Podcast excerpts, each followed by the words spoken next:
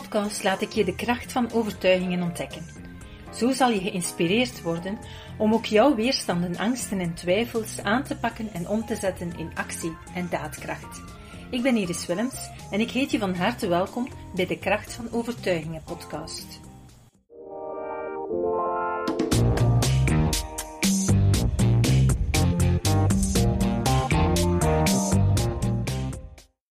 Vandaag hebben we het over de gedachte: het gaat niet lukken of ik kan het niet alleen. En die gedachte die kan een grote rol spelen bij tal van situaties in je latere leven. Bijvoorbeeld bij het opstarten van je zaak, of bij het, ehm, stel je wil een, eh, een webinar geven, of je wil ook een podcast starten, of je wil een nieuw project gaan, uh, gaan lanceren, of um, je krijgt een promotiekans en je denkt, ik kan dat niet. Of er doen zich nieuwe veranderingen voor binnen in jouw huidige job. Je moet iets nieuw leren. Je moet nieuwe programma's onder de knie krijgen. Um, bijvoorbeeld zoals nu met de, uh, de coronapandemie. Uh, hebben heel veel mensen moeten leren om ook digitaal te gaan werken, om op afstand met elkaar te gaan communiceren, om gebruik te maken van platformen zoals Zoom of Teams en dergelijke. En voor veel mensen heeft dat een, eh, een enorme stress veroorzaakt omdat men denkt van ik kan dat niet en al dat technisch gedoe. Um, en dat zijn eigenlijk onzekerheden die er zijn. En dat kan wel een basis hebben dat je zegt van goh, ik ben toch niet zo goed onderlegd in die zaken. Maar het is niet omdat je het niet, nog niet kan, dat je het niet kan leren en dat je het ook niet zelf kan uitzoeken. En de achterliggende gedachte van ik kan dat niet en ik heb daar iemand voor nodig om mij dat uit te leggen. Dat is vaak de trigger waardoor je bepaalde dingen niet gaat doen, niet durft doen, niet durft uit te testen. En waardoor je dus eigenlijk heel veel groeikansen van jezelf gaat ontnemen. Dus ook als jij bijvoorbeeld wil starten met een zaak en je denkt van, goh, ik moet, daar komt zoveel dingen bij kijken en ik kan dat allemaal niet. Um, dan gaat dat jou continu belemmeren. Want er zijn natuurlijk wel inderdaad heel veel nieuwe dingen en heel veel onverwachte dingen heel veel zaken die je gaat moeten onder de knie krijgen. Je hoeft niet alles natuurlijk zelf te kunnen, maar een aantal zaken, zeker als je zelf start met een zaak, ja, dan ga je in het begin wel heel veel zelf moeten gaan doen en heel veel zelf moeten gaan uitzoeken. En als je dan een achterliggend idee hebt van ik ga dat niet alleen kunnen, dan zal je ook nooit starten. Wat waarschijnlijk ook wel heel spijtig is. Want misschien heb je wel supergoeie ideeën, misschien heb je wel een heel mooie businesskans die je tot uitwerking zou kunnen brengen. Maar gewoon omdat je in de idee zit van ik kan dat niet of ik kan dat niet alleen, ga je er niet mee starten of ga je het altijd uitstellen. Maar dus even goed in je huidige job. In alles wat je van s morgens tot s avonds moet doen, zijn er bepaalde taken, bepaalde vragen van klanten of bepaalde zaken die je tegenkomt in je huidige job, waar je nog geen ervaring mee hebt of waar niet direct een kant-en-klare oplossing voor is. En ook dan zijn er heel veel mensen die daarop blokkeren, die telkens opnieuw hulp gaan vragen van de leidinggevende. In de vorige podcast had ik het over het feit dat iemand zegt van ik moet altijd alles oplossen. Dat is natuurlijk de tegenpool daarvan. Dat is degene die voor alles een oplossing weet en ook alles naar zich toe trekt om het op te lossen. Vandaag hebben we het over de andere, degene die eigenlijk denkt: ik weet het niet en ik heb hulp nodig. En die twee versterken elkaar. Want als jij zelf iemand bent die altijd denkt: ik heb hulp nodig, en je gaat voor het minste bij je leidinggevende of bij je collega om hulp vragen, en die geven je dat antwoord, dan krijg je alsmaar meer het idee van: zie wel, ik heb hulp nodig. En zij kunnen het beter dan ik. En ik heb in de vorige podcast al aangegeven, dat is eigenlijk ook een stuk aangeleerde hulploosheid. Aangeleerde hulploosheid waardoor je brein denkt dat je altijd iemand nodig hebt. Hoe ontstaat die aangeleerde hulploosheid? Wel, enerzijds kan die al uh, van heel kleins af, heel vaak zelfs ontstaat die dan, uh, bijvoorbeeld vanuit heel goede bedoelingen gaan ouders kinderen helpen om hun jas toe te doen, om hun schoenen dicht te knopen en dergelijke. Vooral op momenten waarop dat ze dan eigenlijk al aan het leren zijn om dat te kunnen, om dat zelf te doen, maar dat gaat nog niet zo snel. Dan door de stress van, van het dagelijks leven, hè, door de gejaagdheid, het feit dat we weinig tijd hebben, hebben we ook weinig geduld. En gaan we als ouder heel vaak zeggen: Kom, zal ik dat wel voor u doen, want jij kunt dat nog niet. En daardoor leg je eigenlijk al een stukje de voedingsbodem voor de aangeleerde hulploosheid. Als ik dat vaak herhaalt in heel veel situaties, dat je als ouder voor je kind alles oplost, dan ben je echt aangeleerde hulploosheid aan het aanleren. Dus dan leert het kind van, ik kan het niet alleen, ik heb altijd hulp nodig. En als je kind groot wordt, dan is het effectief zo geconditioneerd, geprogrammeerd, dat het altijd hulp nodig heeft. Het zal altijd je hulp blijven vragen en het zal ook in zijn dagelijkse job altijd hulp zoeken van anderen, van zijn collega's, van leidinggevenden enzovoort.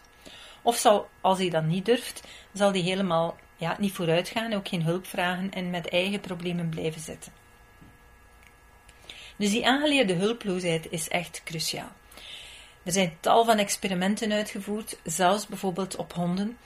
En een van de experimenten vind ik wel heel belangrijk om even mee te geven. Men heeft um, verschillende honden um, geleerd dat ze, ze krijgen een stroomstoot, een elektrische shock. En die honden, die, een deel daarvan, die kunnen niet wegvluchten, die zitten vast, die hebben geen uitweg en die moeten die stroomstoot ondergaan. Dus die hebben geen controlemogelijkheid om daarvan weg te komen.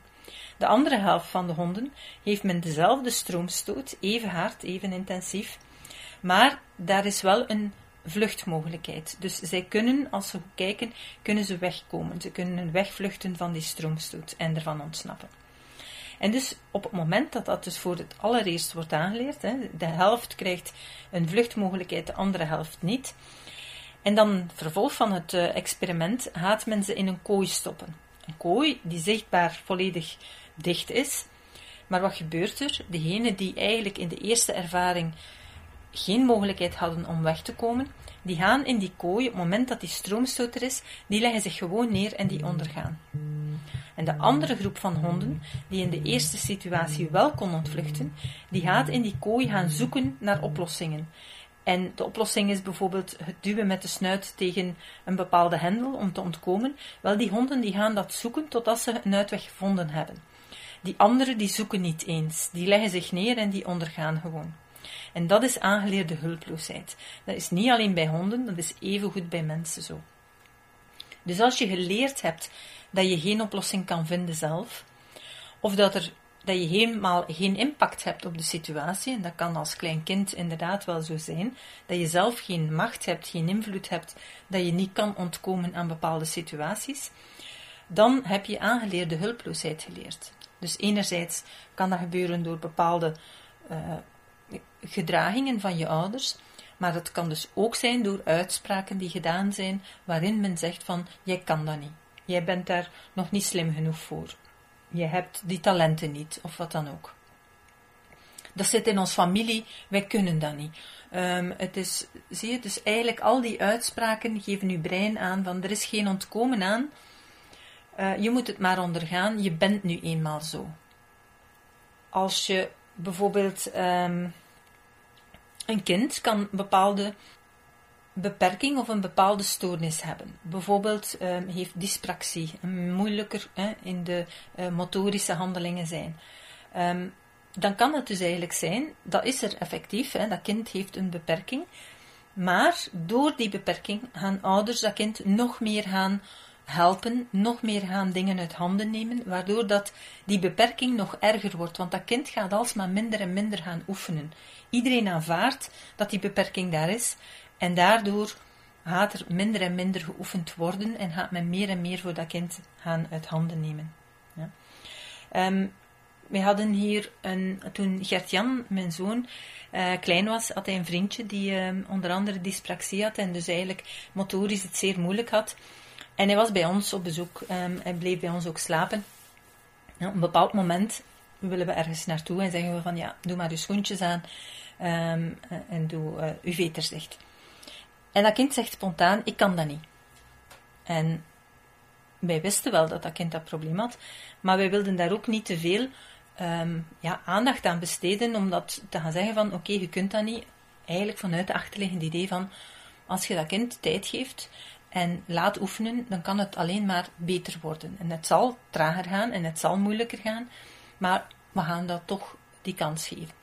Dus die bleef drie dagen bij ons en we hadden gezegd van, ah, dat kan heel goed zijn dat je dat moeilijk kan, um, maar we geloven wel dat dat toch gaat lukken. Willen we het samen, hè, wil eerste keer, we gaan u nog een keer tonen hoe dat het moet, en dan kan jij het nog een keer zelf proberen. En dus dat duurde wel heel lang, effectief, maar uiteindelijk was hij er wel in geslaagd. Dus we waren hè, heel positief en zeiden, oh, zie je wel dat je het kan, ah, proficiat en zo. De dag nadien terug, de dag nadien terug. En effectief, hij had twee tot drie keer zoveel tijd nodig als onze zoon, maar hij lukte er wel in. En dat is eigenlijk wat dat er gebeurt als um, een kind een beperking heeft. Dan gaan we inderdaad zeggen van oké, hij kan het niet. Maar we gaan dan ook vaak, omdat het vaak ook natuurlijk snel moet gaan in onze drukke maatschappij, gaan we dat dan ook weer gaan, allemaal gaan helpen en gaan oplossen en voor dat kind gaan doen, waardoor het natuurlijk nog minder en minder gaat oefenen. Dus wees daar bewust van, zowel naar je kinderen toe, maar ook geldt dat naar al volwassenen toe. Als je dingen uit handen neemt en zegt je kan dat niet of zal ik het wel voor u oplossen, dan kunnen ze daarin niet groeien. Dus ook uw collega's ga je op die manier zelf nog altijd in volwassen leeftijd kan je aangeleerde hulploosheid aanleren of versterken. Achterliggend aan die aangeleerde hulploosheid um, zitten heel vaak ideeën als ik kan hier zelf niets aan veranderen, ik ben afhankelijk van anderen. Um, als persoon X het niet aanpakt, dan zal het niet veranderen. Hè. Dus dat je eigenlijk al denkt van oké, uh, mijn collega moet dat oplossen, uh, mijn baas moet een oplossing vinden, want als hij het niet aanpakt of zij het niet aanpakt, ja, dan kan ik ook niets doen in mijn situatie. Dat hoor ik heel vaak van mensen in hun werksituatie, dat men eigenlijk de oplossing bij de leidinggevende legt. En natuurlijk is dat gemakkelijk als uw leidinggevende het voor u allemaal oplost. Maar wees u ook bewust dat je zelf dingen in hand kunt nemen. En dan zit daar soms ook een achterliggend stemmetje. Ja, maar ik ben er niet voor betaald, want mijn leidinggevende die verdient meer dan ik en dus moet hij het maar doen of zij het maar doen. Maar ook dat is weer de vraag van, wat ben je nu aan het doen?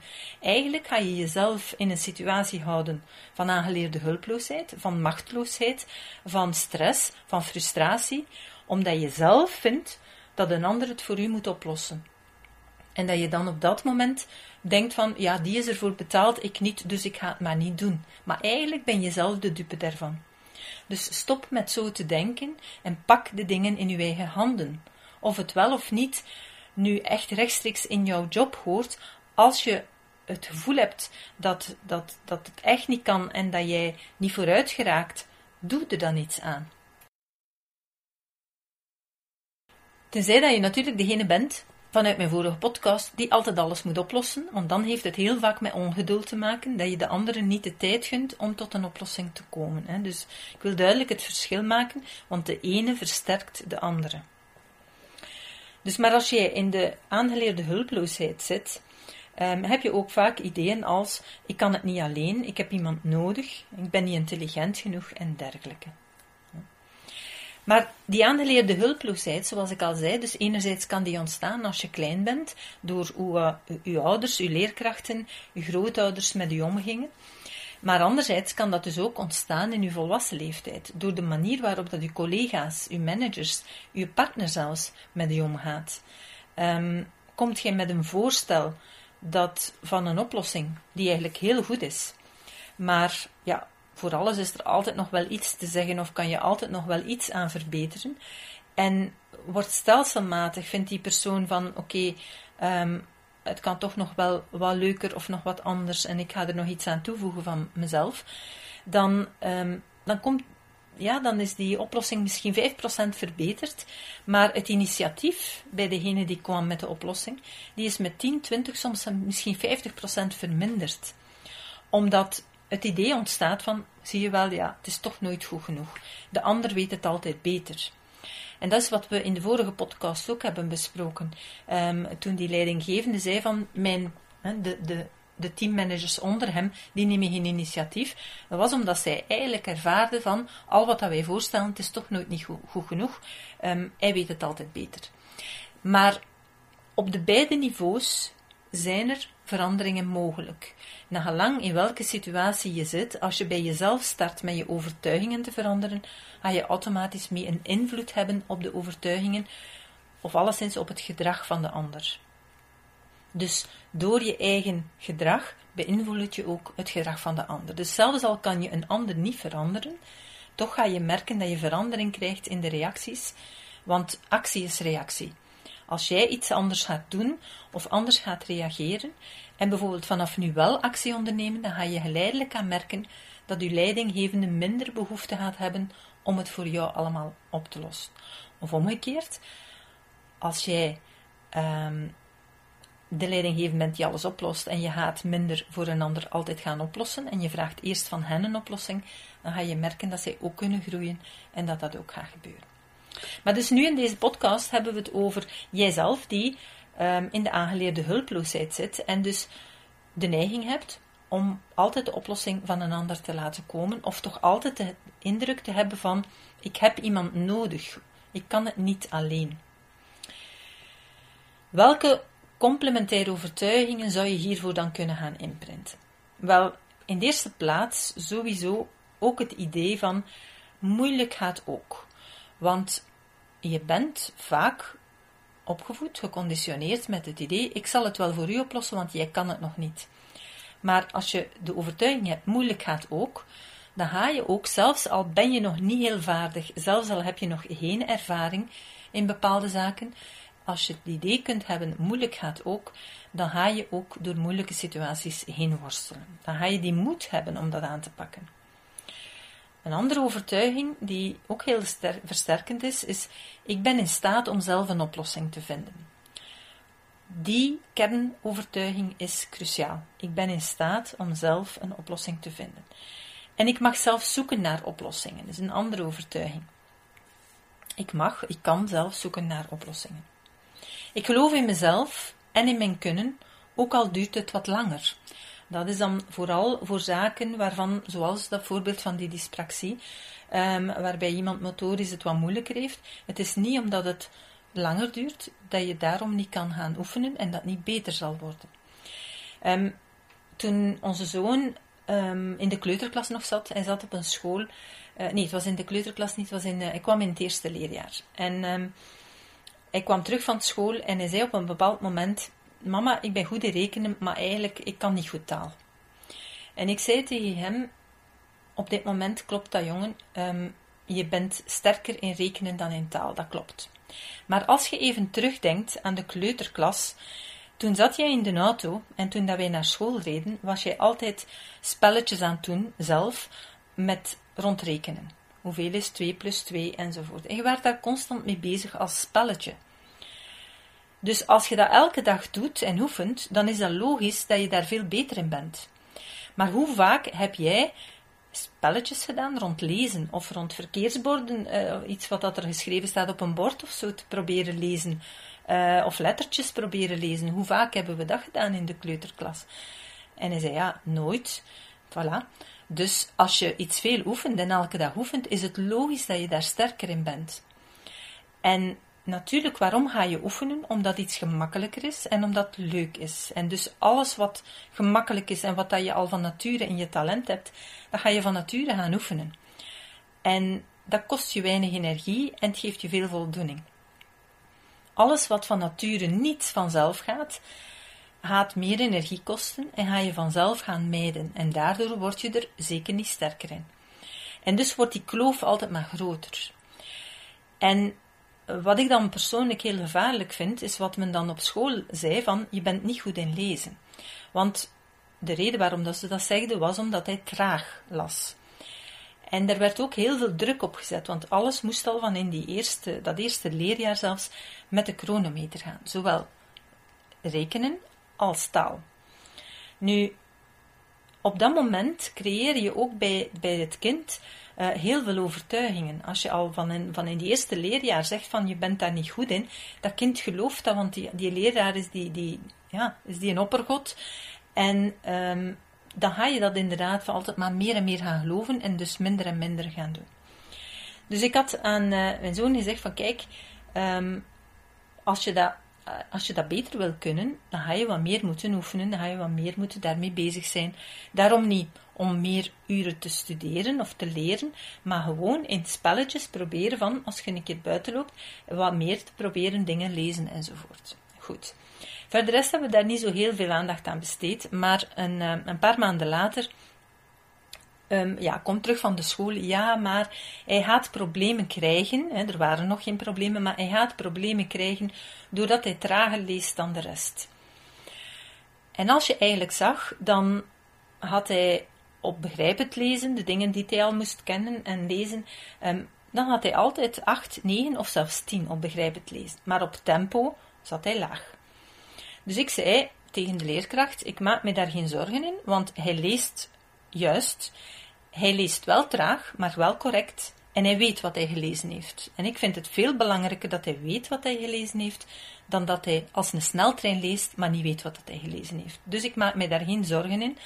En um, dat gaat wel evolueren. Het is nog maar een kind van het eerste leerjaar. Goed, dat loopt verder en effectief, uh, alles gaat goed. Um, behalve dan dat ze hem weinig geven voor zijn tempo. Maar oké, okay, dat maak ik, vind ik niet erg.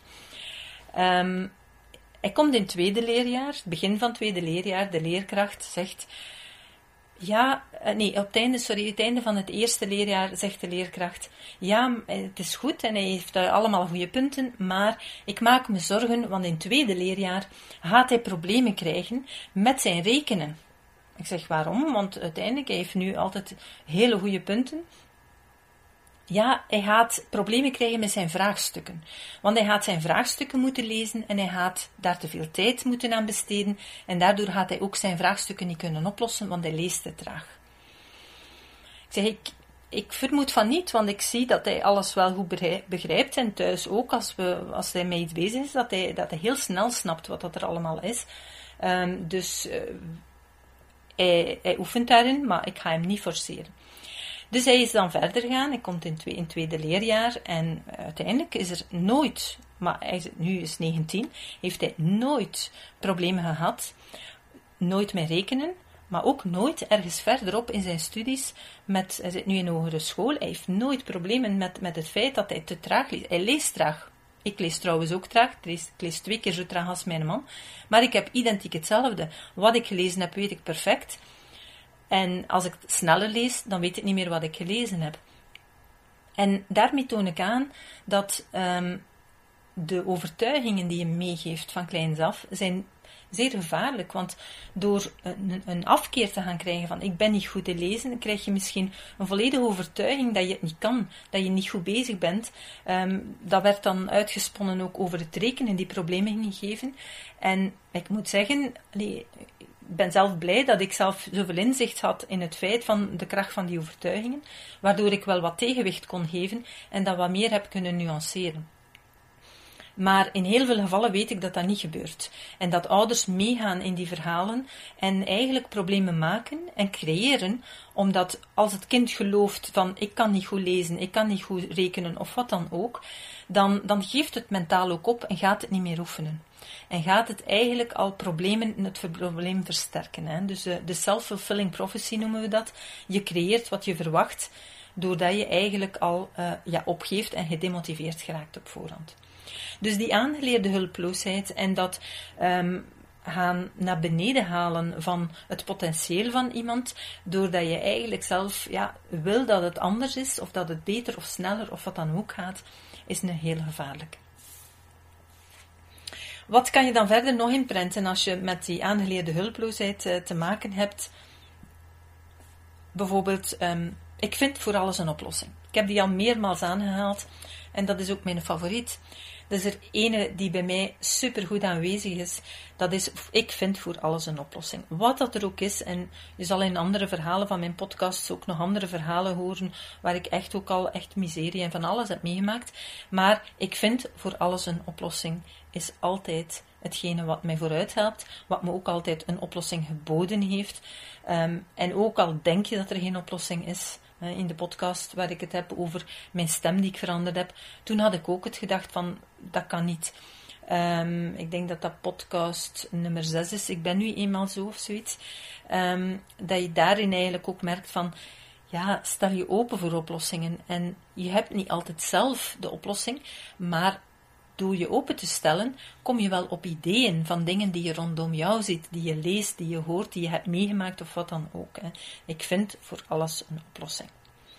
En ook al zou een ander, mijn baas kan dat zijn, of mijn partner, of wat dan ook, het anders aanpakken, ik mag mijn eigen aanpak volgen. Ook dat is een heel belangrijke, want heel vaak denken we dat er maar één oplossing is en dat dan de ander altijd de juiste oplossing heeft. Ook dat is een overtuiging. Ja? Denken dat jouw oplossing niet goed genoeg is tegenover die van een ander. Dus durf voor jezelf ervoor te gaan en te zeggen: Ik vind een oplossing en ook al is die anders dan die van een ander, ik mag ervoor gaan. Dat wil niet zeggen dat je niet meer moet leren van anderen, dat je niet moet openstaan voor suggesties. Dat is weer iets helemaal anders. Maar je moet het ook niet helemaal laten waardeloos verklaren of gaan nutteloos verklaren. En dat is heel belangrijk. Het is en-en. Samen kan je ja, veel sterker, veel verder komen. Maar als het een wedstrijd is van wie de beste oplossing heeft, dan blokkeer je en dan uh, kom je tot niets meer. Er zijn meer oplossingen voor één probleem en ik zal er één vinden, is ook een heel krachtige. Beseffen dat er altijd meer wegen zijn die naar Rome leiden en dat jij er wel eentje zal van vinden. En het is misschien niet altijd de kortste, maar de kortste is ook niet altijd de mooiste weg. Als je de autosnelweg neemt, is het ook niet altijd de beste weg. Dus je eigen route bepalen en durven je eigen route te, volgen is heel belangrijk. Ik bedenk eerst zelf een oplossing voor ik hulp vraag. Dat is ook eentje die je bij jezelf best kan inprenten. Eerst zelf een oplossing zoeken. Als die dan niet helemaal is, of je komt er niet helemaal uit, dan pas bij een ander gaan. Maar dan heb je tenminste zelf al er goed over nagedacht. Want heel vaak, opnieuw, aangeleerde hulploosheid, die maakt dat je niet meer gaat nadenken. Die, die heeft eigenlijk geleerd aan jouw brein om te zeggen: stop het denken. Je gaat puur in je automatisme. Je hebt al hulp gevraagd, nog voordat je nagedacht hebt van, kan ik het niet zelf? Weet ik zelf geen oplossing? Je hebt al zoveel meegemaakt in je leven. Bedenk zelf een oplossing. Zoek zelf een uitweg. En weet, als je nu niet direct ene ziet, als je meer en meer gaat ontspannen, hè, want dat is ook wel heel belangrijk, hoe meer je in ontspanning kan komen, hoe meer creatieve ideeën je hebt, hoe meer toegang je hebt tot je eigen brein, en hoe meer en sneller je oplossingen zal vinden. Dus als je voelt dat je telkens blokkeert, is het ook echt wel aangewezen om te leren jouw stress, jouw stressmechanisme te leren uh, bijsturen. Ook daar controle over te krijgen om je eigen stress te gaan verminderen en meer zelfcontrole terug te krijgen. En dan kan je ook gemakkelijker terug naar oplossingen komen, omdat je meer toegang hebt tot je eigen brein. Een andere uh, overtuiging die ik je zou willen uh, aanbevelen is: aldoende leer ik en word ik er beter in. Is eigenlijk een beetje het verhaal van mijn zoon. Er blijven in geloven, als ik oefen, dan kom ik vooruit. En hoe meer ik oefen, hoe meer ik vooruit kom. En het zal misschien niet mijn beste talent zijn voor een bepaald iets, maar ik ga er wel goed in worden. Als ik bijvoorbeeld een, um, een nieuw programma op de computer um, wil leren, bijvoorbeeld toen ik um, in 2019 besliste van oké, ik wil online, volledig online uh, bedrijf uitbouwen ook. Ik had daar niets van ervaring in. Er was, ik had niets van al die programma's. Ik wist ook niets van marketing. Ik wist niets van mailfunnels schrijven. Ik wist niets van um, de website die ik moest maken, want die ik nog niet had. ik heb eigenlijk al die stappen zelf doorlopen, zelf mij bijgeschoold en zelf gaan ja, de informatie zoeken en uittesten en proberen met vallen en opstaan. Maar dat was te danken aan het feit dat ik heel krachtig in die overtuigingen heb van ik vind ten eerste, ik vind voor alles een oplossing. Dus als ik iets wil doen en ik weet niet hoe, dan ga ik wel ofwel zelf ofwel via informatie die ik bekom tot een oplossing gaan komen. En ook als ik in een programma vastzat, in plaats van mij er kwaad in te maken of te zeggen van oh, het gaat niet lukken, zie het, ik kan dat allemaal niet, dat is niets voor mij, op dat moment te gaan zeggen: stop. Het gaat me lukken. Het zal misschien iets langer duren, maar moeilijk gaat ook. En dat helpt u om dan opnieuw en opnieuw een stukje te lezen en u af te vragen: oké, wat bedoelen ze hier? Wat moet ik hier doen? Ik ga dat direct proberen en kijken wat dat, wat dat er lukt. En effectief, als je bepaalde dingen voelt van oké, dat gaat niet, dat lukt niet, dan kan je hulp vragen. Maar meteen denken, het gaat niet, ik heb voor alles iemand nodig en ik kan dat niet betalen, dan ben je eigenlijk in de aangeleerde hulploosheid en dan zit je in de overtuiging van ik kan er niets aan doen ook. Hè. Ik zit zoals de hond in de kooi, ik krijg elektroshocken, maar ik kan niet vluchten en ik probeer het zelf niet eens. Dat is de aangeleerde hulploosheid. En dan tot slot wil ik je nog een andere meegeven. Dat is elke dag word ik beter en beter in het vinden van oplossingen. Dus ook daar verwijs ik nog even naar uh, de voorbeelden van uh, in de podcast aflevering nummer 6, waar ik het had over ik ben nu eenmaal zo, waar ik ook verteld heb over um, de. Ik denk dat in die podcast was dat ik het had over mijn oriëntatievermogen, die eigenlijk op niets trok in het begin. En waarvan ik ook dacht: van ja, ik ben nu eenmaal zo, kan me niet oriënteren. Maar door dan mijn overtuiging daarom te veranderen, door daarmee aan de slag te gaan, door te denken: elke dag gaat het beter en beter en ga ik. Uh, beter worden in oriënteren, is dat ook verbeterd. En datzelfde geldt voor elke dag word ik beter en beter in het vinden van oplossingen. Dus ben jij iemand die heel vaak denkt: ik kan het niet, ik kan het niet alleen, ik heb hulp nodig, dan nodig ik je uit om echt aan de slag te gaan met deze overtuigingen.